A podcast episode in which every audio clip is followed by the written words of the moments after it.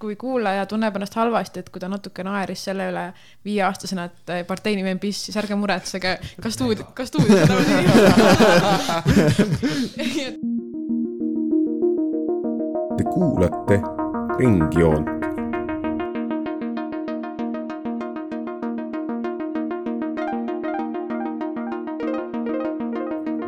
joon ringis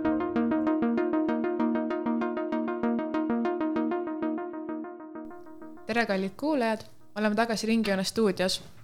seekord on äh, jälle kooligrupi aeg teha saadet, nagu igal semestril. ja meiega on siin Siim. tere. Karl. tervist. puldis on esimest korda Ines. väga meeldiv. ja teda aitab meie vana olija Sten. tere. nagu alati on RSR koolil natukene teoreetilisemad teemad. eelmine kord rääkisime RGP-st ehk kaitsekohustusest enne seda populismist ja seekord räägime natuke täpsemalt parempopulismist. viimastel aastatel on märgata tohutult populismi tõusu kogu maailmas. ja on olnud valimiste rohke aeg, mis tähendab, et äh, Eestis on tulemas valimised Rootsis olid valimised, Itaalias olid valimised, Inglismaal olid valimised ja ma võiksingi jääda lugema. ja kõikide nende valimiste üks defineeriv sõna võib-olla ongi parem populism. seda tõusu on tohutult näha ja teine lähenemine sellele on muidugi ka sõda Ukrainas, mis on noh, võib ka öelda ikkagi parem äärmuslik äh, käitumine, nagu te hiljem kuulete. aga alustamegi sellest, mis üldse on parempopulism, et Siim, tahad sa meile seletada? jaa, et ma alustaks võib-olla alustuseks sellega, et mis on populism ja siis kitsendaks seda mhm. paremale populismile. et äh, populismi on defineerinud siis äh, Bojan Bugaric, kes on Sheffieldi ülikooli avaliku õiguse õppejõud ühes artiklis, mille ta kirjutas ajakirjale International Journal of Constitutional Law ja seal kasutab ta siis järgmist definitsiooni, et populism is an ideology or political movement that considers society to be ultimately separated into two homogeneous and antagonistic groups, the pure people versus the corrupt elite, and which argues that politics should be an expression of the uh, volonté générale of the people, so mida ta siis mõtleb, on see, et kui see nüüd lihtsalt ära tõlkida, et populism ise on siis äh, vaade, kus siis ühiskond on äh, lahknenud kaheks äh, homogeenseks ja antagonistiliseks grupiks, miks siis, mis siis üksteisele pidevalt vastanduvad, et siis nii-öelda rahvas ja korrumpeerunud eliit. Ja poliitika peaks siis olema inimeste vaba väljendus ja kui nüüd minna täpsemaks ja rääkida parempopulismist, siis sellest on kirjutanud ähm, Sean V. Rosenberg, kes on California ülikooli poliitiliste teaduste ja psühholoogia õppejõud ja kes on siis seda defineerinud niimoodi, et uh, its fas-, fascist dimension is retained in the demand for strong leadership coupled with its rejection or discomfort with the rule of law, free speech, the legal conception of the nation and as a polity. nii et võib öelda, et um, tema väljenduse järgi on sellel parempopulismil siis fašistlik dimensioon ja see fašistlik dimensioon on siis vaba väljenduse vastu ja tõstab siis esile selle nii-öelda rahvusluse aspekti ka. et see oleks siis võib-olla niisugune hea ja kompaktne parempopulismi definitsioon. ma tahaksin kohal nagu ka seda juurde öelda, et äh, Holger Kiik ühes väga hea Sirbi artiklis minu arvates ütleski, et, et see põhipoint, nagu sa ütlesid ennem ongi see, et nii-öelda luua üks sihuke suur homogeenne rahvuse grupp, mis siis lõppude lõpuks antagoniseerida selle eliidi vastu. parempopulismile hästi iseloomulikuks lõpuks ongi siis see, et see üks suur rahvusgrupp, et tal on mingid etnilised tunnused, millega siis neid inimesi saaks nagu samastada, et, et äh, alustades siis lihtsalt kas äh, sündimusest, kas vanemad on eestlased, nende keelest, kuni lõpuks välja siis rassini ja usul, usuliste siis veendumusteni. et Äh, parempopulismi nagu suur tunnusjoon ongi tegelikult see, et sellele hästi palju pööratakse tähelepanu just selle rahva tunnustele siis mm. -hmm. et äh, nagu välja tuli, ongi parempopulism justkui rahvusele, et nad esindavad justkui sellist väikest äh, rahvust, aga, aga kes on need erandid, kes seda välja, et kui me räägime populismist, siis tundub, et see just on rahva ühendamiseks, et eliidile vastu ja idee, see kõlab väga nagu vahvalt, et eliit on korrupeerunud ja me läheme nagu rahvaga koos sellele vastu. aga mis on siis see probleemkoht või, või kes jääb sellest rahvast välja? no mina ütleks seda, et äh, ajalugu on meile näidanud, et äh, sellest rahvast võib välja jääda vägagi, väga spetsiifilised grupid. algselt öeldakse, et kõik, ma võiks näiteks tuua, et me loome hüpoteetilise olukorra Eestist näiteks, et algselt on see, et kõik eesti keelt kõnelevad inimesed on see nii-öelda rahvas. aga siis hakatakse seda pisendama, ühel juhul, ühel juhul kas siis öeldakse, et kakskeelsed inimesed ei ole enam osa Eesti rahvast.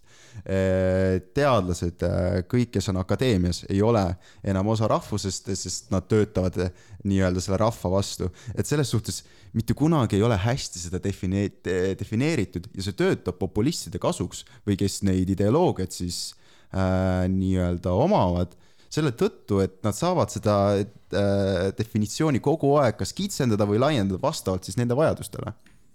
jah, et ma lisaks juurde ka, et, et seesama Rosenberg, keda ma ka enne mainisin, tema on siis oma artiklis öelnud, et väga tähtsal kohal populistlik, parempopulistlikes liikumistes on siis etnotsentrism ja seda etnotsentrismi siis võib niimoodi defineerida, et see on siis no, kogum inimestest, kellel on sarnased tuumikuskumused,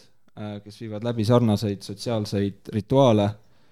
kes on füüsiliselt sarnased, ehk siis noh, kui nüüd rääkida siis võib-olla sama nahavärv või midagi sellist, kellel on siis ka sarnased juured ja need, kes nende kriteeriumitega ei kattu, on siis nii-öelda ei kuulu sinna rahvuse, populistide rahvuse, parempopulistide rahvuse definitsiooni. et võib-olla see oleks niisugune hea ammendav ülevaade taaskord, mida see rahvus pop- parempopulistide meelest siis nagu kätkeb, mis seal sees peaks olema jah, meil tuligi nagu siin juba tekstist välja, et äh, rahvus on väga oluline, Karl mainis religiooni. Kas midagi on veel, mis on need peamised vaated, mis, kui me vaatame just näiteid, noh, me hiljem läheme muidugi sügavamale sellega, aga et mis on need peamised vaated või tunnussõnad populismile peale rahvuse üleüldiselt? no ma arvan, et äh, kui populism üldse siis tegelikult kujunes välja kahekümnenda sajandi alguses, siis äh, Euroopa rahvusriikides, noh, Saksamaa, Itaalia, et rahvusriikides on tänase päevani populistide peamiseks sõnumiks äh,, toome Saksamaa näiteks, Saksamaa sakslastele, Itaalia itaallastele. Aga tänapäeval on selline huvitav areng toimunud, et isegi riigid, mis ei ole nii ühele rahvusele tegelikult põhinenud siis nagu näiteks Ameerika Ühendriigid, on toimunud see, et et luuakse jällegi umbmäärane definitsioon ja siis, et Ameerik-, noh, näiteks ongi Donald Trump kaks tuhat kuusteist, Make America Great Again. -hmm. et see on see, et et neil on see, et, et oma grupi, oma grupi nii-öelda vägevaks tegemine on see nagu üks tähtsamaid. ja noh, kui me räägime parempopulistist, populismist, siis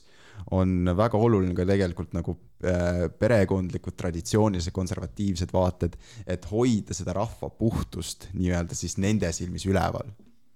ja ma arvangi, et konservatism on, on üks nagu olulisemaid sõnu, kui rääkida populismist ja just paremäärmuslikust populismist üleüldiselt, et hoida sellist äh, rahva traditsioonilist, ma ei tea, olulisust kuidagi. Siim, kas sul on äh, midagi lisada veel? jaa, et ma olen siin lugenud veel erinevate ekspertide arvamusi siis sellest populismist ja parempopulismist, et äh, Klaus von Beime on siis maininud oma ühes peatükis, mis ta on siis ähm, kirjutanud teoses äh, Authoritarianism Challenges to Democracy in the twenty first century, et populistid soovivad siis vabaneda institutsioonidest, mis seisavad äh, riigi juhtkonna ja valitsuse vahel. Ja siis need muutused, mida nad soovivad läbi viia, on siis sellised, et rahval oleks nii-öelda, et rahva ja riigi vahel ei oleks mingisuguseid konstitutsioone, et korraldataks näiteks roh-, rohkem referendumeid, väga oluline on see, et, et riigipea oleks ka otseselt valitav ja siis ka muutused representatiivses valimissüsteemis, et see on ka üks populistidele, siis ka parempopulistidele omane joon, mida nad taotlevad. ma arvan, et siinkohal on ka väga hea mainida, et äh, see eliit, kelle vastu populistid või võitlevad, on täpselt samamoodi äh, jällegi hästi abstraktne ja tõesti, nagu Siim mainis, siis parempopulistidel on komme, et äh, nii-öelda soovida suuremat rahva osalust riigi valitsemisse. seda on näha, kõige parem näide minu arvates Inglismaal, kus siis Nigel Farage, United Kingdom Independence Party, siis taotles väga tugevalt otsedemokraatiat. Šveitsis on äh, siiamaani võimul väga tugev parempopulistid, kes suudavad seda äh, nii-öelda rahva osalust hoida, nemad näevad seda, et see riigi bürokraatia, et see on iseenesest juba nii-öelda pooleldi saatanlik ja halb asi. et seda rohkem rahvas sinna sekkub, seda parem see on. aga kas eliit ähm, on ainult poliitiline eliit või see võib olla ka majanduslik eliit? Sest et noh, siin on, tekib nagu minu meelest teatav konflikt, kui näiteks USA-s, kui me tõime juba selle näite, et Make America Great Again, siis ikkagi Trumpi peamine valijaskond oli vaesem keskklass, kes tahtis siis sellest ka rikkast eliidist lahti saada, aga samas Trumpi toetavad ka väga paljud miljardärid ja miljonärid, et kas seal üldse on selline nagu vahe, et eliit ka kui majanduslik eliit, kelle vastu minnakse või tegelikult äh, pigem ainult poliitiline eliit? ma arvan, et pigem poliitiline eliit kui majanduslik, sellepärast et noh, Trumpi puhul Trump on, eks ole, hästi jõukas mees ise. et ma arvan, et minnakse pigem selle poliitilise eliidi vastu, et seal majanduslikus eliidis on siis need populistliku liikumiste siis nii-öelda juhid, kes moodustavad ka tegelikult ise osa sellest majanduslikust eliidist. niisiis võiks, võib sellest järeldada, et majanduslik eliit on tegelikult populistidele ja nende poolt hääletajatele teatud määral vajalik ma mainiks ka siin juurde seda, et, et siin võib-olla tekib nagu natuke suurem ka, äh, siis kattumus vasakpopulismiga, aga noh, sellest tulenevalt, et kus äh, mina tegelikult usun, ma natuke vastandun siis Siimule, et mina tegelikult usun, et, äh, et need on eristatavad ja tegelikult majandusliku eliidi siis nii-öelda või noh, paneks väga suurtesse jutumärkidesse selle majandusliku mhm. eliidi tegemiste tagajärgedel üldse saavad parempopulistid võimule. et äh, nagu näha, populism tegelikult sünnib riikides, kus on väga suure majanduslikud probleemid. Trumpi lubadus oli tegelikult see, et äh, tema ütles küll jah, et see majanduseliit on rõve ja et see, et see on nagu kõik paha, onju, aga selle probleem on see, et see takistab teil olla ise kuningas, et see takistab teil ise oma tööväärtuseid äh, täielikult nautimast, et põhimõtteliselt vägagi huvitaval kombel kasutab ta nii-öelda majanduslikku majanduslikku vaatepunkti selleks, et äh, nii-öelda seda rahvast üles supitada ja rääkida, et on olemas majanduslik eliit, mis teid hoiab ja on majanduslik eliit, mis tegelikult teid vihkab. ja ma arvan, et seda on näha ka, me küll räägime rahvusvaheliselt, aga siiski Eestis samamoodi, et äh, vastasus Kaja Kallasele ei ole ainult sellepärast, et ta on eliit äh, poliitikas, vaid on ka see, et see on see Reformierakond, mis on suunatud kõrgemale keskklassile, et see vastasus sellele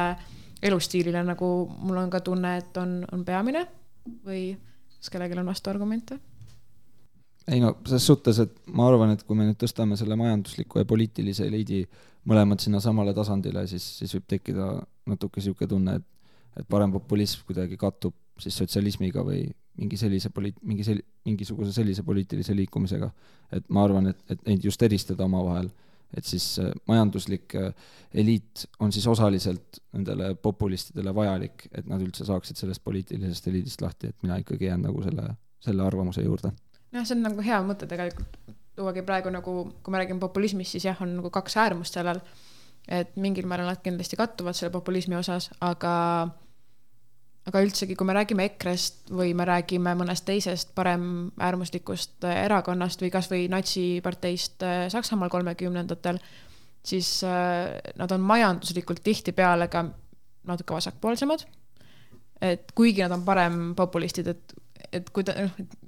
laiendaks seda mõtet kuidagi, et mis, mis see siis nagu on, mis see seal taga on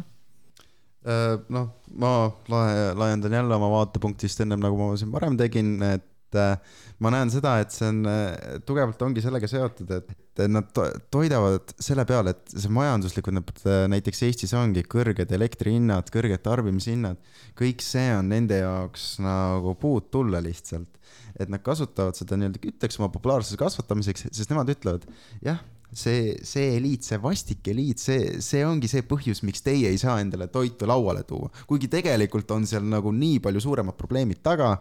aga lihtsalt tohutult palju ka lihtsustatakse tegelikult seda kõike maha. jah, kindlasti. ma arvan, et äh, kas Siim, sul on mingi mõte, kuidas seda eristada või mm,? no ma ütleks, et, et praegune populism, et mis on hästi huvitav näide näiteks Ameerika puhul, et äh, Wise News teeb niisugust saadet nagu Breaking the Vote kus võetakse siis ette USA poliitika ja mis seal juhtub. et seal ühes saates siis käidi lõunaosariikides rääkimas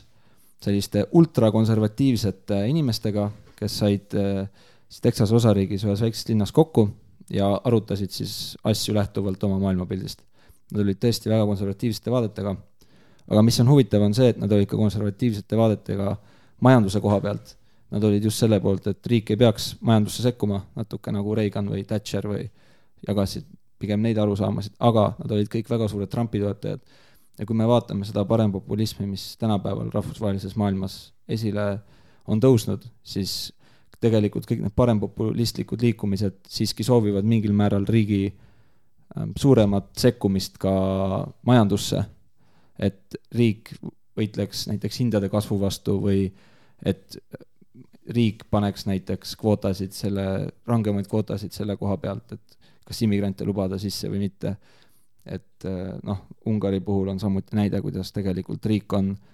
nii-öelda kohalikele valitsustele, kes, kes on opositsioonis, on neile tõstnud makse, et siis enda sissetulekuid suurendada. nii et võib öelda, et see pa-, pa-, ülikonservatiivsete inimeste arusaam, kuidas riik peaks majanduses tegutsema, see tegelikult ei lähe päris hästi kokku sellega, mis, mis tegelikult toimub. aga nende jaoks Trump on kõige õigem valik ja ja selles suhtes, et Trump esindab ka väga konservatiivseid väärtusi, nii et. ma annan korraks sõna Stenile. Jaa, aga ma tahtsin siia otsa küsida seda, et mis te arvate, et millal see või millest tingitud oli see muutus, et äh, mindi üle sellest nagu neoliberalistlikust sellisest nagu parempoolsest nagu hegemooniast mindi üle rohkem sellisele no tänapäeva populismile on ju ja sellisele noh noh, võib ju jah öelda majanduslikult rohkem riiki sekkuv, on ju, mitte selline nagu klassikaline Thatcherism, on ju, et kus, kus see mu muutus on nagu tingitud? Äh, see on, kusjuures ma pean mainima, see on väga hea küsimus, et äh, aga minul isiklikult on vaade sellel puhul see, et äh, ma arvan, et selline neoliberalistlik maailmavaade ja poliitiline vaade kukkus hästi suuresti sellega läbi, et äh, ei suutnud nagu, kuidas ma nüüd väga hästi nüüd sõnastaksin selle korrektselt, aga et inimestel siiski, inimeste eluolu ei paranenud, see tegi küll keskklassi elu tohutult lihtsamaks ja võib-olla rohkem inimesi läks ka keskklassi tulenevalt sellest aga madalklassi elu tegelikult ei muutunud ja sellele sarnasele majanduslikule olukorrale veel lisandusid erinevad kultuurilised probleemid, immigratsioon. Äh, et, et nagu ja ma arvangi seda, et, et need, see madalklass siiamaani näeb, okei okay,, see kukkus läbi, nüüd võtame päriselt eh, need ideed, mis olid kolmkümmend aastat tagasi radikaalsed, aga nüüd need kõlavad päris hästi. ma arvan, et äh, siin tulebki teha nagu, ma ei taha küll hullult minna terminite ja definitsioonide peale, aga mis eristabki parem ja vasak äärmust, on see, et vasak äärmus on sotsialistlik, parem äärmus küll tahab riigi sekkumist, aga see pole sotsialistlik, vaid see on merkantilistlik.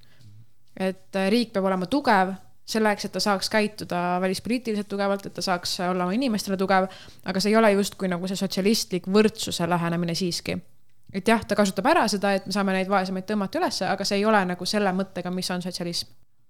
ja mina arvan, et suuresti kukkus see neoliberalistlik äh, siis nägemus äh, kokku kahe tuhande kaheksanda aasta majanduskriisiga siis, mille põhjus on, oli tegelikult vähene äh, Äh, pankade reguleeritus äh, rahvusvahelisel tasandil. Äh, ja peale seda mõisteti, et, et ei saa lasta majandusel päris niimoodi vabalt neoliberalistlikust vaatepunktist siis tegutseda, et mingisugused, riik peaks kuidagi sekkuma või mingisuguseid piiranguid peale panema. ma arvan, et see muutus tuli suuresti sellest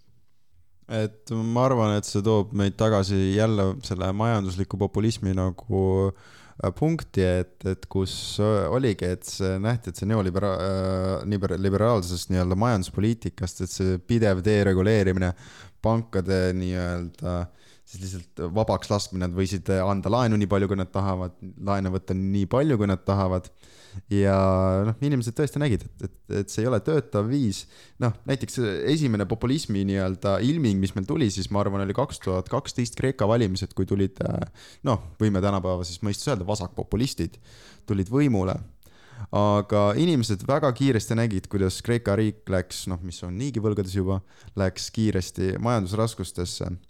Ja vasakpopulism, ma arvan, nagu sellega suri nagu hästi kiiresti ära. Ja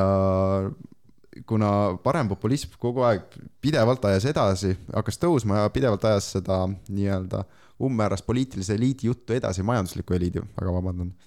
et, et siis nad äh, nii-öelda võtsid sellest kasu siis, minu arvamus. Ja ma arvan, me saime nüüd enam-vähem selgeks, mis on, mis on parempopulism, mis on vasakpopulism, et läheks, läheks natuke spetsiifilisemaks. Et äh, ma kõigepealt võib-olla võtan kõige lühema teema, ma arvan, kuna me oleme juba mitu korda maininud Inglismaad, siis hiljuti meil oli Inglismaal peaminister kõige lühem ajaloos. Jaa, jah, ja et mi- mis siis ikkagi juhtus. ma ei taha otseselt minna nüüd siis kohe poliitika peale, aga et äh, nagu just lähtudes parempopulismist, miks teda valiti, miks ta populaarne oli, aga mis siis ikkagi valesti läks, et kas võib-olla see näitab, et parempopulism alati ei ole parim lahendus või et, et mis siis, mis siis toimus Inglismaal? no ma arvan, et see, miks ta alguses nii populaarne oli, oli sellepärast, et ta tuli tegelikult väga suure plaaniga nii-öelda siis äh, esile. tema siis Big Bang Economic Plan, mille eesmärk oli siis tõsta Suurbritannia välja majanduslangusest ja alustada majanduskasvu. et sihuke väga julge plaan ja midagi julget tuli ka teha seoses, seoses Covidi ja, ja, ja Ukraina sõjaga et plaan oli sihuke, ütleks libertaristide unistus, libertaristide unistus, et äh, maksude alandamine, eriti nende maksude alandamine, kellel on kõrgemad sissetulekud, samuti äh, ka korporatsioonidel ja eesmärk oli siis, et, et ju, nii-öelda äh, julgustada investeerimist Suurbritanniasse ja genereerida majanduskasvu. Ja samuti oli sellega kaasas siis ka minieelarve ehk siis usk, et majandus taastub, kui julgestada igati majanduskasvu ja nii-öelda mitte üldse riigi poolt sekkuda, et riigi poolt investeerida võimalikult vähe, alandada makse, et tuleksid välisinvestorid ja selle äh, majanduskasvu siis käima lükkaksid. aga ma arvan, et sellest, mis siis edasi juhtus, võib juba Karl, Karl rääkida. Äh, ma või noh, edasi juhtuda, ega noh, praegust meil pole siin väga midagi veel edasi jõuda, juhtuda jõudnud. aga ma lihtsalt äh, tahtsin nagu mainida, et ega noh, Liz Trussil oli see, et ega ta nagu maalis ennast väga, noh, ta maalis ennast, et ta on uus raudne leidi, tuleb uus Margaret Thatcher, et, et see rahvale nagu natukene meeldis seal, aga ega tema geniaalne siis see, mis selle mini-budget, kuidas seda siis kutsuti, et eh, maksta siis või nii-öelda tasuda see vahe kinni, mida siis, mis tuleb maksude alandamisest, et ilma, et sotsiaalkulutusi eh, siis langetataks, et maksta see täielikult kinni eh, uue, siis uute võlgade võtmisega. täiesti majanduslikult geniaalne plaan, et eh, noh, ma praegust olen küll väga irooniline tegelikult, sest asi on selles, et, et noh, majandus kahjuks niimoodi ei tööta ja ega ma arvan, siin ei ole midagi rohkem lisada, et, et äh, tal olid head kavatsused, aga plaan, plaan oli paha. siin kõlabki läbi natuke seda, et, et pakutakse välja lihtsaid lahendusi, mis on liiga-liiga lihtsad ja siin tekib mul nagu selline küsimus, et äh, Liz Trussiga tehti seda nalja, et ta ei oska spellida ja, või arvutada või mis iganes see oli, tal küsiti vist äh, intervjuudes küsimusi, et hei, et palju on kaheksa korda kuus ja ta ei teadnud. Ja no muidugi ma saan aru, et see on ka see ärevuse moment ja mis iganes, aga sellega oli väga suur nali, samuti Eestis on nali EKRE poliitikute üle, et nad on rumalad ja, ja seda levib nagu igal pool riikides, et mis sellega ikkagi on, miks parempopulistid tunduvad meile nii rumalad? ma arvan, et nad tunduvad võib-olla nii rumalad sellepärast, et äh, nagu sa ise mainisid, nad tahavad rasketele probleemidele pakkuda lihtsaid lahendusi ja kui sa näiteks kõnetad kedagi, kes elab kuskil äh, ütleme siis provintsis või väljaspool keskusi, kellel on võib-olla madalam ha- haridustase, et, et nendele inimestele peale minna ei, ei olegi võimalik teha ja genereerida siis mingisuguseid väga keerulisi plaane, et need inimesed siis sinust aru saaksid, on vaja läheneda olukordadele võimalikult lihtsalt, samuti ka siis kasutades pigem emotsioone kui ratsionaalsust, et siis neid madala haritu-, haridustasemega inimesi siis nii-öelda äh, enda siis, et need madala haridustasemega inimesed just sinu poolt hääletaksid, siis sa pead pakkuma neile ka lihtsaid lahendusi, millest nad aru saavad nagu Siim täiesti perfektselt ütles, et äh, lihtsad lahendused rasketele probleemidele. et äh, ja ma arvan, et ega see väljendub ka tegelikult nende poliitikute käitumisviisist ja väljaütlemistest. ma, ma ise eeldan, et kõik parempopulistlikud teevad seda teadlikult mm, -hmm. aga nende point ongi kõlada lihtsalt, kõlada nagu tavainimene, et see sõnum kohale läheks, et sellele lihtinimesele, teda ei huvita, mida räägib siin äh, doktorikraadiga kõrgharitud äh, politoloog, et äh, kes on siis terve elu kuskil erakonnas istunud. tema tahab inimest, kes kõlab täpselt nagu tema, nagu baari leti või baari laua taga tema vana hea sõber, kes ütleb mingeid statement'e, see on nagu see, mida inimene tahab. ja no nemad seda pakuvad, aga paratamatult elu, ühiskond, poliitika ei ole lihtne, see ei, siin ei ole lihtsaid lahendusi. nii et äh, kui tahta võtta siit šnitti, siis võib-olla ka kõrged poliitikud ja, ja politoloogid peaks natuke lihtsamalt äkki rääkima hakkama või ei ole see siiski võimalik päriselt? noh, räägi ma, ma arvan, et mida võib proovida, on neid samu mõtteid, mida need politoloogid siis räägivad, natukene võib-olla paremini sõnastatult või tabama, tabavamalt sõnastatult edasi anda. et mitte kasutada niisugust väga äh, akadeemilist keelt siis, et kuidagi öelda seda niimoodi, et see oleks mõistetav inimesele, kes, kes ei käi ülikoolis või kes ei ole ülikoolis käinud, ma arvan, et see on nagu see võti. Jah, et see sõnum peab lihtne olema, et me oleme näinud nii palju, kuidas püüavad poliitikud läänemaailmas populismile vastanduda sellise väga ratsionaalse, loogilise argumentatsiooniga, et, et tuues välja kõik, mis nende populistide valed on ja aga lõppude lõpuks me näeme ikka, et kus need populistid võidavad, inimesi tegelikult ei huvita. et see sõnum peaks iseenesest lihtne olema ja ma arvan, et see poliit-, nagu ongi, et suurte politoloogide ja nende poliitikaekspertide, et kõik, mida nad ütlevad, nad peaksid ka inimestele tooma nagu selle samastuse nagu päris eluga, et inimesed sellest reaalselt aru saaksid. et, et äh, ma arvan, et see on nagu põhipoint, samas raske probleem, lihtsalt lahendusi ei ole. kui me rääkisime Inglismaast, siis äh, on toimunud ka teistes Lääne-Euroopa riikides populistlikke, parempopulistlikke muutusi ja just paar saadet tagasi rääkisite teie mõlemad, äh, Kalle Siim, Itaalia valimistest. kas te olete ka uurinud, mis on saanud edasi? Mis toimub Itaalias, kas meil on jälle fašistlik partei tagasi äh, ei, see fašistlik partei on väga suur liialdus antud kohal, et, et kuigi me siin rääkisime, et fašistlikud ilmingud tõesti parteis olid, võime öelda, et see on väga paremkonservatiivne.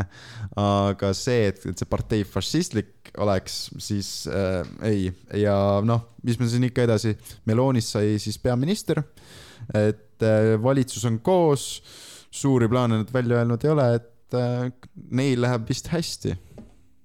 jaa, esimene skandaal on ka juba juhtunud, ma ei tea, kas te teate äh,. Berlusconi siis äh,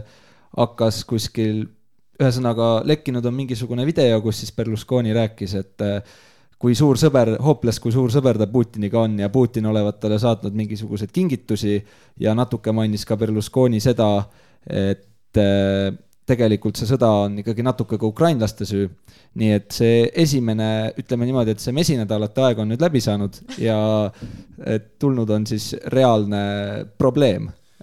ei no Berlusconiga on vot see lugu, et ta on nagu kogu aeg tegelikult seda Vene äh, selle Vene asjaga nagu flirtinud, ta oli Putini suur sõber kogu aeg ma arvan, Berlusconi on natuke vana, ta võiks nagu ära minna, sest et nagu sellel, sellel mehel enam poliitikas kohta ei ole, olgem ausad. ja arvestades neid skandaale, mis tal siin on, ma imestan üldse, et Itaalia rahvas teda veel talub. et äh, ei, ma arvan, et sealt tuleb Berlusconi poolt võib veel midagi väga huvitavat tulla aga ma kohe palungi teil spekuleerida selle teema koha pealt, et äh, kas te arvate, et äh, see valitsus võib kokku variseda, sest kui ma õigesti mäletan, siis äh, Meloni ütles, et, et me oleme kindlasti NATO-ga aligned, mis iganes me oleme, on ju, et ei ole ruumi selle, selle koha peal küsimusi tekitada ja see on isegi nagu on valmis ohverdama koalitsiooni selle nimel, on ju, et nagu, mis te selle koha pealt arvate, kas nad suudavad jõuda mingi ühiskeelele, on ju, sest see Berlusconi või? Vanuna et äh, ta on ikka suur armastaja sellele Putinile, nendel on väga nunnud äh, sõbrapildid ka tehtud, kui te internetist tahate vaadata. tõesti nunnud on. jah, ei Salvini on ka ju, see teine tüüp on ka öelnud midagi sellist, et et umbes, et kas, kas ikka peaks äh, Ukrainat nii palju aitama ja need sanktsioonid mõjuvad lõppkokkuvõttes itaallastele halvemini kui venelastele. et ma spekuleerin, et ma ei tea, ma spekuleerin, et varsti kukub kokku jälle asi jah, ega ajalugu on ju näidanud, et need valitsused seal Itaalias väga kaua ei kesta, no mina ennustasin äh, eelmine kord ja ennustan ka nüüd, et see koalitsioon jääb püsima mingiks vähemalt üheks kuni kaheks aastaks kindlasti. Spekulatsioon jällegi, lihtsalt selle tõttu, et ma nendel parteidel ei ole kuskile muusse kohta põgeneda. teiste parteidega on nagu kõik nagu koalitsiooni võimalused välistatud. see vähemus, kes võib olla nagu Vene, Vene toetajad, on Itaalias tegelikult suht väike, arvestades, et äh, Forza Itaalia Berlusconi partei siis sai mingi seitse kuni kümme protsenti hääli. et, et ei, no mina seda isiklikult ei taha veel uskuda, aga ma arvan, et, et noh, ma, ma, ma ise, ma ise nagu kaldun arvama, et seal võib mingi, nagu ma eelmine kord ka mainisin, et võib mingi naljakas poliitiline pööre toimuda, et Salvini tahab jälle ohje võtta. et äh, aga see on kõik, see on kõik, see on nii tume maa, me, ma ei oska ennustada. jah, võib-olla nad leiavad ühise keele immigratsiooni osas. et Meloni ütles ka oma siis äh, peaministri esimeses kõnes parlamendile, et äh, oleks hea, kui äh, Põhja-Aafrikast äh, paadid üldse Euroopasse jõuakski, et äh, võib-olla seal annab Berlusconi ja Salviniga otsida mingisugust ühist äh, keelt ja, ja arvamust ja võib-olla see siis on see ühendav jõud sellel koalitsioonil, mis võib-olla natukene kestab siis mingi aeg. Ja kui me enne lähenesimegi väga akadeemiliselt parempopulismile nagu selle tunnuste alusel, siis ma arvan, et võib-olla nüüd, kui lugeda uuesti neid tunnuseid üle, siis oleks võib-olla hoopis see, et on ilus pulm ehk siis valitsuse koostamine, valimiste võitmine, siis on honeymoon phase ja siis, kui reaalsus jõuab kätte, peab päriselt majanduspoliitikat tegema hakkama ja, ja riiki juhtima, et läheb asi halvaks. siis teine tunnus on väljaütlemised, et mis meil Eestis on olnud äh, homod Rootsi ja äh, kõik sellised toredad vahvad laused. et äh, ma arvan, et need on peamised kaks parem, parempopulismi tunnust siis. ja, aga erandeid on ka, et äh, Viktor Orban Ungaris ja siis Law and Justice või siis seadus ja, seaduse ja õigluse partei Poolas, kes on siis PIS siis jah, lühendina PIS, kes on siis äh, olnud äh,, PIS on vist alates kahe tuhande viieteistkümnendast aastast ja äh, Orban on alates kahe tuhande kümnendast aastast ja mõlemad on väga hästi ennast sisse seadnud ikkagi riigi etteotsa, eriti Orban. tema populaarsus on endiselt Ungaris suhteliselt suur. Nii et ma arvan, et kui sa oled selline osav mees või, või naine,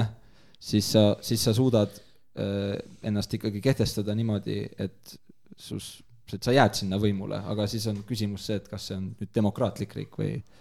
mis siis saab. Ma nagu mainiks siia juurde ka, et tegelikult nagu Eesti parempopulistide puhul on nagu see, et tegelikult nagu Euroopa suhtes on nad suhteliselt radikaalsed tegelikult, et meil on Eestis on siin Sinine Äratus, kes on siis käinud igasuguste white power üritustel,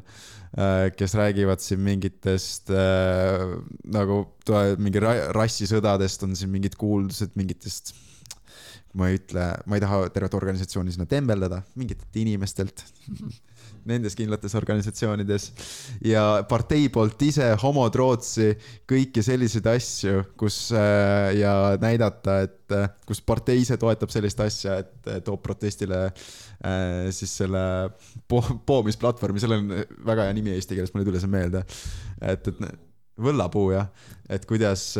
peaminister tuleks üles puua, et, et Eesti, Eesti populistid on selles suhtes suhteliselt radikaalsed, et, et mis on tegelikult jama. raju, rajusid asju teevad jah. jah, mul on kaks vahemärkust, et kui kuulaja tunneb ennast halvasti, et kui ta natuke naeris selle üle viieaastasena, et partei nimi on PIS, siis ärge muretsege, ka stuudio, ka stuudio seda veel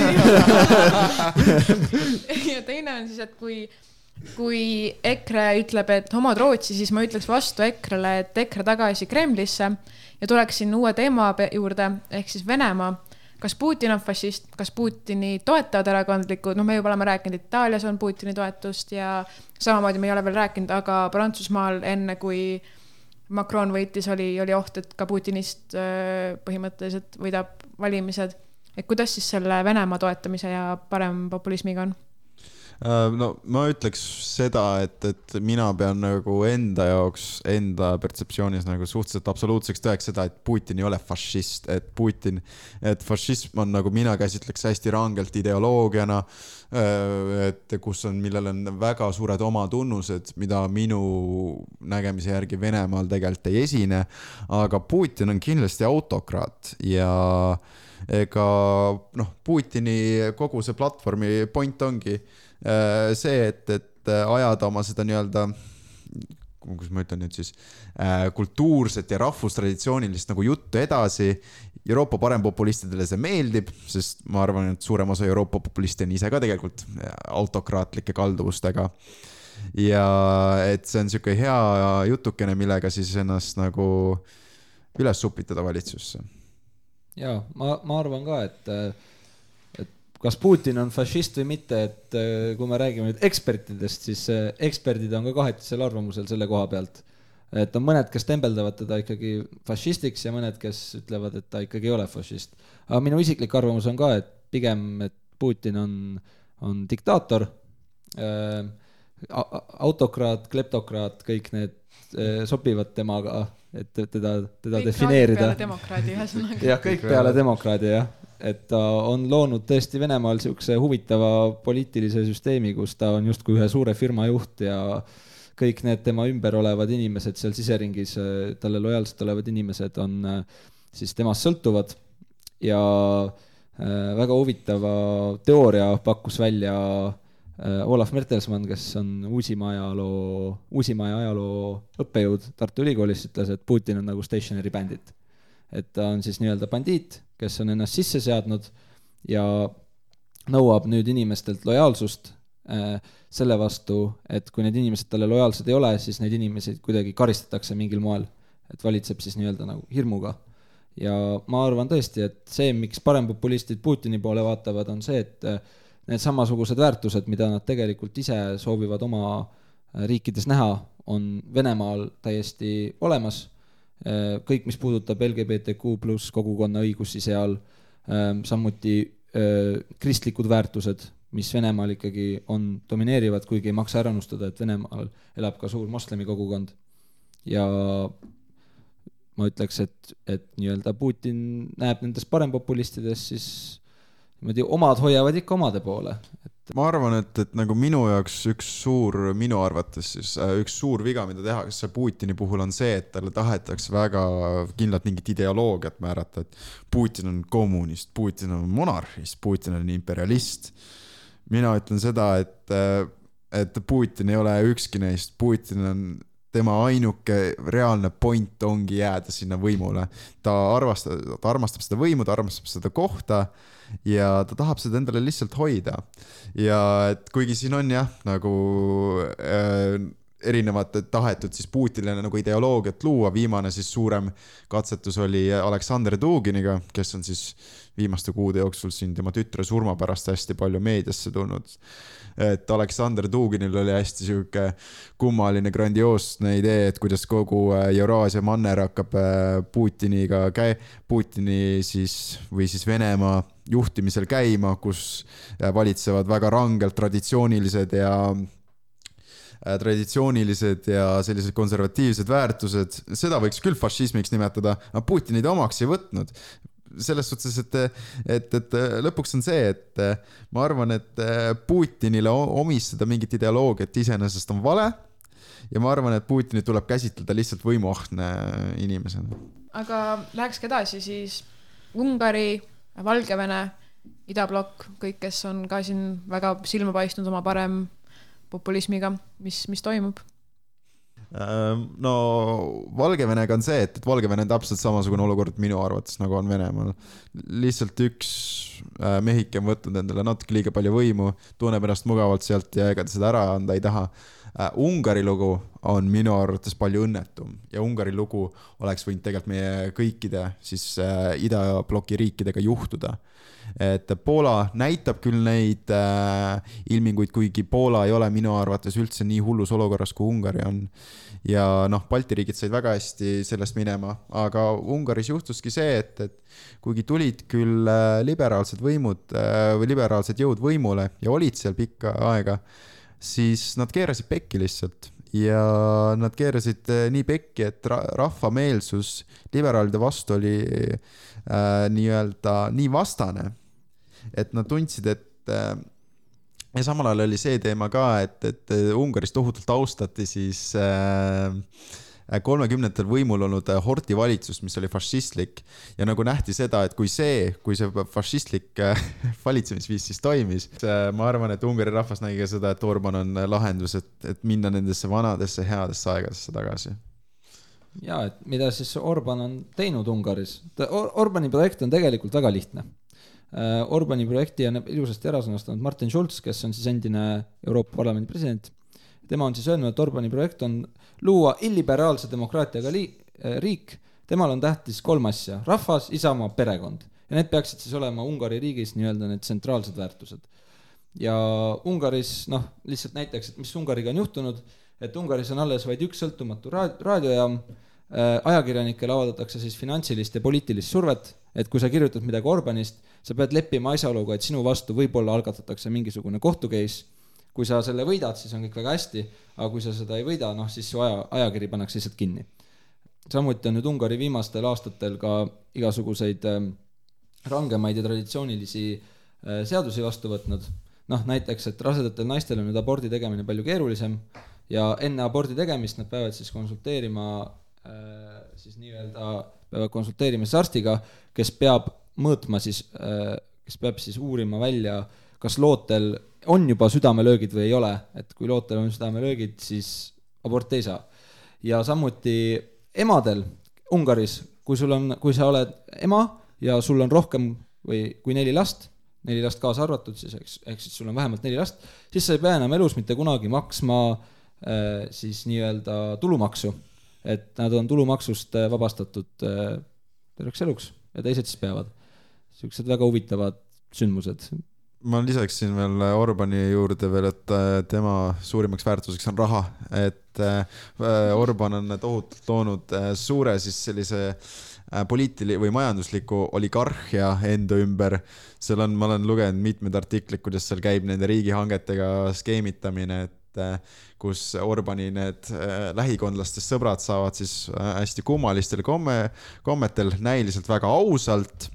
siis endale kõige paremaid riigihankeid, mida üks äh, ettevõte endale soovida võiks, et, et äh, ma arvan, et, et see täitsa nagu Putini playbook'ist kõik. ja nagu Venemaal samamoodi.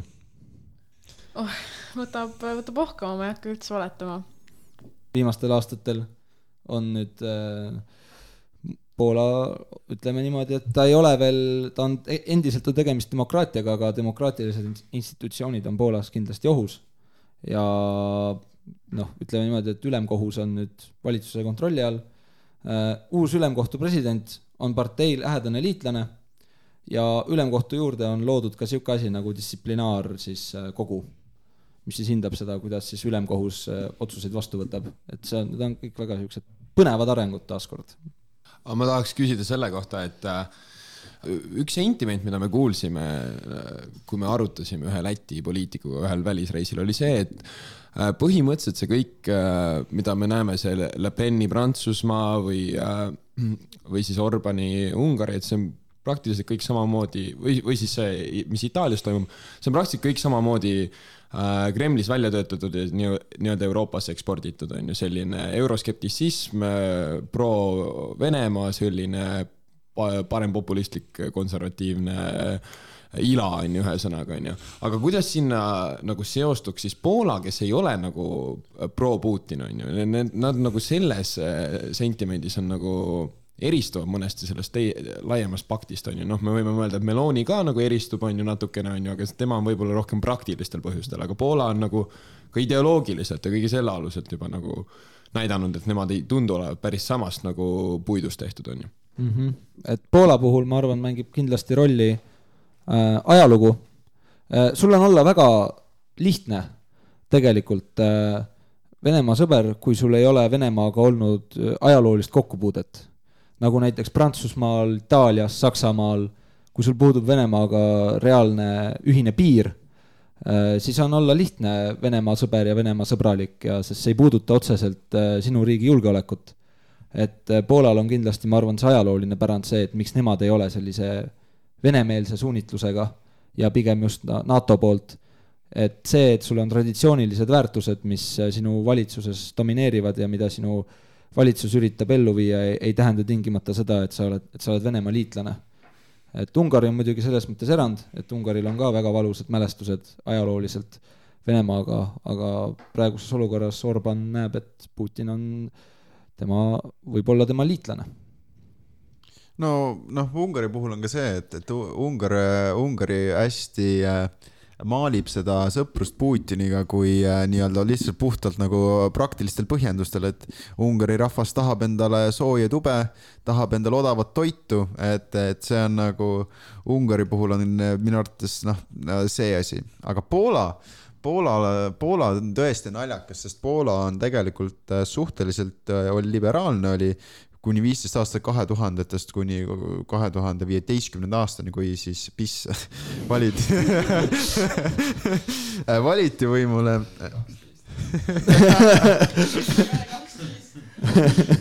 Et ja see siis noh ma, ma ei kujuta ette tegelikult, mis see põhjus on, no Poola on kohutavalt religioosne riik, Euroopa Liidu vastu neil siiamaani pole midagi, et jah, ütlevad, et Euroopa Liit on nõme, et noh, teevad seal mingi lollakaid reegleid ja midagi sellist, aga et noh, Euroopa Liit on Poolale tohutult palju head toonud. Ja seda tunnistab ka siis äh, seaduse ja õigluse partei, et et äh, aga ma ise võib-olla eeldan, et, et äh, ma tegelikult Poola poliitilisest ajaloost nii palju ei tea,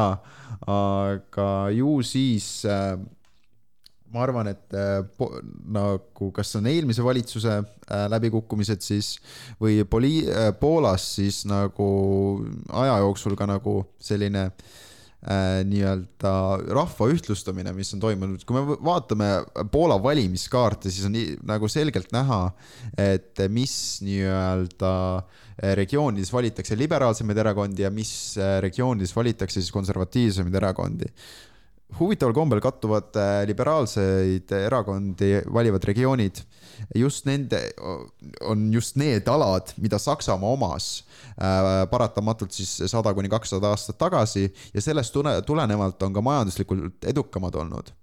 aga me oleme näinud siin üha rohkem valimiste jooksul, kuidas see nagu vahe nii-öelda, sein nii-öelda maha murtakse. äkki on see mingi kultuuriline põhjus? Äh, ma kindlat vastust ei taha siin öelda praegusel hetkel. Äh, mina siinkohal kuulates teid kõrvalt äh, teeksin väikese tagasipõike Valgevene juurde, et kui Karl sellest kiiresti üle libises ja ütles, et lugu on sarnane Venemaale, et äh, siis ma paneks ikkagi südamele seda, et sarnane on siinkohal ainult see, et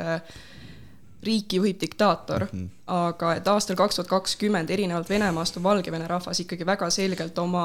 vastasust sellele hetkel valitsevale võimule väljendanud ja tegelikult ka Ukrainas on valgevenelastest eraldi rahvuskaart, kuidas iganes seda nimetatakse mm, -hmm. härrad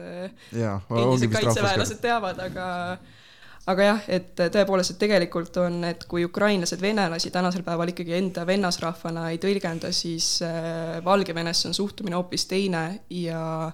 neil on ju olemas ka tegelikult äh, presidendikandidaat, kes on ikkagi nendel viimastel valimistel teadaolevalt demokraatlikult valitud, kes viibib hetkel eksiilis, Leedus ma tahaksin arvata. ja et äh, tegelikult sealt suunalt võib tulemas olla väga huvitavaid arenguid ja et jah, et ühesõnaga Valgevenet mina ei paneks Venemaaga kindlasti samasse paati. võib-olla laiendaksingi siit äh, Inese mõtet tegelikult, et äh,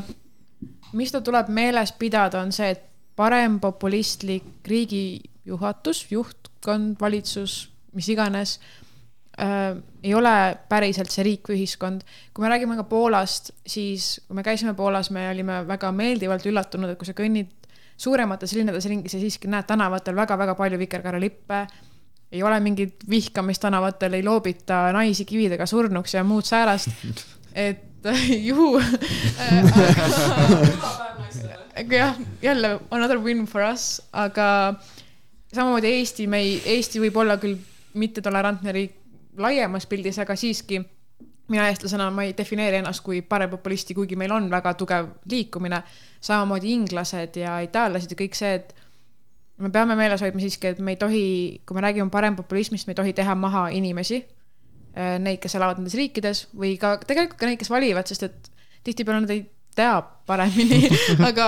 aga just me peame, me peame rääkima nendest poliitikutest ja miks, miks nemad teevad asju valesti ja miks see suund on vale. et seda tuleb meeles pidada. ma laiendaks seda mõtet, et ma arvan, et äh, parempopulismi tõusu taga võib-olla niivõrd ei ole minu arvates, ma ütlen minu arvates, ei ole see, et, et inimeste teadlikkus nendest, vaid ma arvan, et need on reaalsed probleemid, mis on tekitatud siis nende nii-öelda meie vaates õigete parteide poolt. et, et ja parempopulistid eh, noh, püüavad eh, neid parandada, aga noh ja ei, tegelikult ma nagu üldjoones nõustun sinuga, aga üks asi, mis ma arvan, et on veel huvitav, on see, et või mida me peaksime meeles pidama, pole vahet, kas po- parempopulistid tulevad kuskil võimule, see ei tähenda seda, et meie peaksime oma vastasust nende vastu siis ära lõpetama. meie peame nagu inimesed, nagu sa rääkisidki Poolas, siiamaani on näha vikerkaarelippe igal pool, et, et see ei tähenda seda, et meie elu nagu nipsu pealt muutub, me peame selleks valmis olema ja me peame seda takistama igal hetkel, kui me saame. Ma arvan, et see on nagu väga hea koht, kust jätkata, üldiselt ma tahaksin liikuda sellele, et mida me teha saame parempopulismi osas, me oleme jõudnud sellele, et see on halb vähemustele, see tegelikult ei ole ka hea sellele grupile, keda nad toetavad, sest lõppude lõpuks see majanduslik plaan tihti ei tööta. et mida me teeme parempopulismi vastu, mida me teeme, et järgmistel valimistel ei oleks meie peaminister Martin Helme? ma arvan, et äh, kõvasti aitab teavitustöö, haridus, mina ikkagi ütleks, et haridus, haridus ja veel kord haridus, et äh, rääkida nendest asjadest, nagu me täna räägime, natuke laiemalt see parempopulism ette võtta, reaalselt vaadata, mida siis need parempopulistid on saavutanud, milles, milles nad seisnevad, mis on nende vaated, väärtused, ajalooline kujunemine, kõik selline. ma arvan jah, et inimesi sellest äh, parempopulismist natuke rohkem harida ja et nad saaksid natuke võib-olla parema pildi, et mida see parempopulism endast noh, õigemini kujutab, et see ei ole lihtsalt nii, et et tuleb üks tubli tark mees ja teeb kõik asjad ära. et äh, asjad ei käi päris nii. ma arvan, et võib-olla seda saaks kuidagi parandada. mina usun seda, et äh, noh, kui me vaatame näiteks lühi, lühidat perioodi, valimised on nii, need Riigikogu valimised, no vist on järgmise aasta märtsis või märtsis ja et, et meil ei ole nagu võib-olla nii palju aega just inimeste harimiseks ja ma arvan, et aga ma arvan, et üks asi on see, et äh, poliitilised parteid peavad oma sõnumit väga palju tugevdama, kas nad tahavad mängida seda sama lihtsat mängu, et äh, võib-olla rääkida, et jaa, et parempopulistid on nõmedad, et, et nad ei, nad ei sobi ja et nad teevad meile paha, aga ma arvan, et neil oleks vaja sihukest suurt head expose'i reaalselt nagu tulla nende samade relvadega nende vastu, noh, samal ajal proovides hoida nagu poliitilist väärikust eh, nii-öelda oma siis oponentide vastu. aga proovides seda vähemalt, ma ütlen siinkohal, sest asi on selles, et, et kui üks pool seda ei hoia, miks peaks siis see teine pool seda niivõrd, niivõrd väga hoidma, et kasutada neid samu relvi, mis eh, populistid kasutavad mingil määral nende vastu. jah, et näide on kindlasti Emmanuel Macron Prantsusmaalt, et ta teda võib liigitada tegelikult ka mõnes mõttes kui, kui, kui populisti, aga see, et ta kasutab Le Peni vastu enam-vähem neid sama, samu taktikaid, mida Le Pen tema vastu kasutab, et see, ma arvan, tõigi talle võidu valimistel ja ma arvan, et see on, see on kindlasti hea meetod. aga seal ei tohi kindlasti ära unustada seda, et, et me ei tohi muutuda selleks, kelle vastu me ise noh, üritame võidelda. et me ei tohi ka muutuda liiga populistlikuks ise, me peame siiski täpselt säilitama selle ikkagi teatud äh, professionaalsuse ja, ja väärikuse, mis on äh, tavalistele konventsionaalsetele parteidele omane. ma arvan, et üks mõte veel ongi, et äh, nagu Karl enne mainis, siis äh, tegelikult siin on üleüldiselt käinud väga palju läbi, et populistid pakuvad võimalusi, kuidas lahendada neid raskeid probleeme. ja mida mul on tunne, et äh, kas vasaktsentristid, paremtsentristid liberaalsed erakonnad unustavad teha, on see, et nad ei pane inimesi tähele. Nad ei pane tähele, et tegelikult on küll probleem see, et, et elekter on kallis ja tegelikult tõesti, no okei okay,, nüüd sellest räägitakse väga palju, sest see on igal pool probleem, aga aga need kõik need probleemid, et miks inimestel on hirmud immigratsiooni vastu, no see on täiesti ebaratsionaalne hirm, aga ta on hirm ja seda tuleb adresseerida, sellega tuleb tegeleda ja see ongi võib-olla probleem, et on jäetud nii suur hulk osa inimestest täiesti unarusse, et te tegelete ise oma asjadega, meil on täiesti ükskõik, mida sa teed seal Võrul, Võrus oma põllu peal. Tegelikult need inimesed tahavad ka, et neist hoolitakse, see ei ole, no see on täiesti loomulik, et kui Jah. keegi erakond tuleb ja ütleb, et hei, ma tegelen kohe su probleemidega, ma lahendan need kõik ära, siis ükskõik kui lihtlabane see ei ole või ükskõik kui nõmedalt see erakond ka teistes aspektides ei käituks, siis sa valid teda, sest et ta esindab sind ja see ongi demokraatia mõte, et sa tead kellegi, kes sind esindab. jah, ei, see on väga õige ja no ma arvan, et see sõnumi kujundamine peab ka olema, et nende parteide poolt nagu tugevam, et ma mäletan, kui Eestis oli see hästi suur EKRE-poolne immigratsiooni nagu see, see kartus Kampaania., ja hirm ja räägid, Eestist saab siin multirassiline riik ja et tulevad siin tuhanded ja kümned tuhanded äh, Süüria põgenikud tulevad siia, siis ma arvan, et, et poliitilised parteid oleks saanud enda jaoks väga, väga hea töö ära teha, kui nad öelda, rääkida tegelikult, mis nendega juhtuma hakkab. aga või need- kui palju neid tegelikult ikkagi siia tuleb. jah, täpselt, aga ükski partei ei tulnud selle peale, nad, ei teinud seda. võib-olla see mingid, võib-olla valitsusministrid midagi rääkisid, aga nagu sealt noh, inimestele jõudnud see kohale ilmselgelt, nagu me näeme valimistulemustest. et oma sõnumit nagu, sõnum teha konkreetseks ja arusaadavaks inimestele, see on ka üks tähtis osa tegelikult. jaa, kindlasti äh,. immigratsiooni osas ma arvan, mis, mis, mis nagu valmistab eestlastele hirmu, ongi just see, meil ei ole tegelikult varasemaid kokkupuuteid eriti. ainuke kokkupuude, mis meil on immigratsiooniga ajaloost, on siis, kui venelased nii-öelda äh, tulid siis Eestisse äh, Nõukogude Liidu ajal, see venelaste immigratsioonilaine. ja sellest ajast peale on meie üli- ühiskond se- selle, väga lõhestatud äh, et see ainuke negatiivne kogemus siis eestlaste jaoks, mis on olnud immigratsiooniga, et see on olnud nii märkimisväärse tähendusega, et äh, nendesse, kes tulevad kuskilt kaugemalt, suhtutakse väga suure ke- skepsisega. et kindlasti tuleb äh, näidata, et on palju riike maailmas, kus, kus see kõik tegelikult toimib päris hästi. No ma arvan, et, et noh, eestlaste puhul, eestlastele peaks endile meelde tuletama, et meie suur valitsev poliitiline eliit, mis meil siin praegust on äh,, okei, ma kasutasin natuke vale sõna, ma ei taha neid eliidiks kutsuda. jaa, aga noh, et need, kes tegelikult Eesti Vabariigi taassünnitasid, need kõik on olnud ise immigrandid, tohutult palju eestlasi, kes äh, olid äh,, kes tulid tagasi taasiseseisvumise ajal, olid ise põgenikud tegelikult selle Vene okupatsiooni eest, et me ei tohi seda nagu pärandit unustada, sest see on tegelikult tohutult tähtis aeg meie ajaloost. et me oleme ju kohutavalt tänulikud, et tegelikult liberaalsed demokraatlikud riigid andsid meile võimaluse äh, Eesti eest äh, siis nendes riikides seista kuni nii kaua, et me lõpuks siis saime oma vabariigi taastada. siis ma ütleksin saate kokkuvõtteks, et minge valima ja valige mõistlikult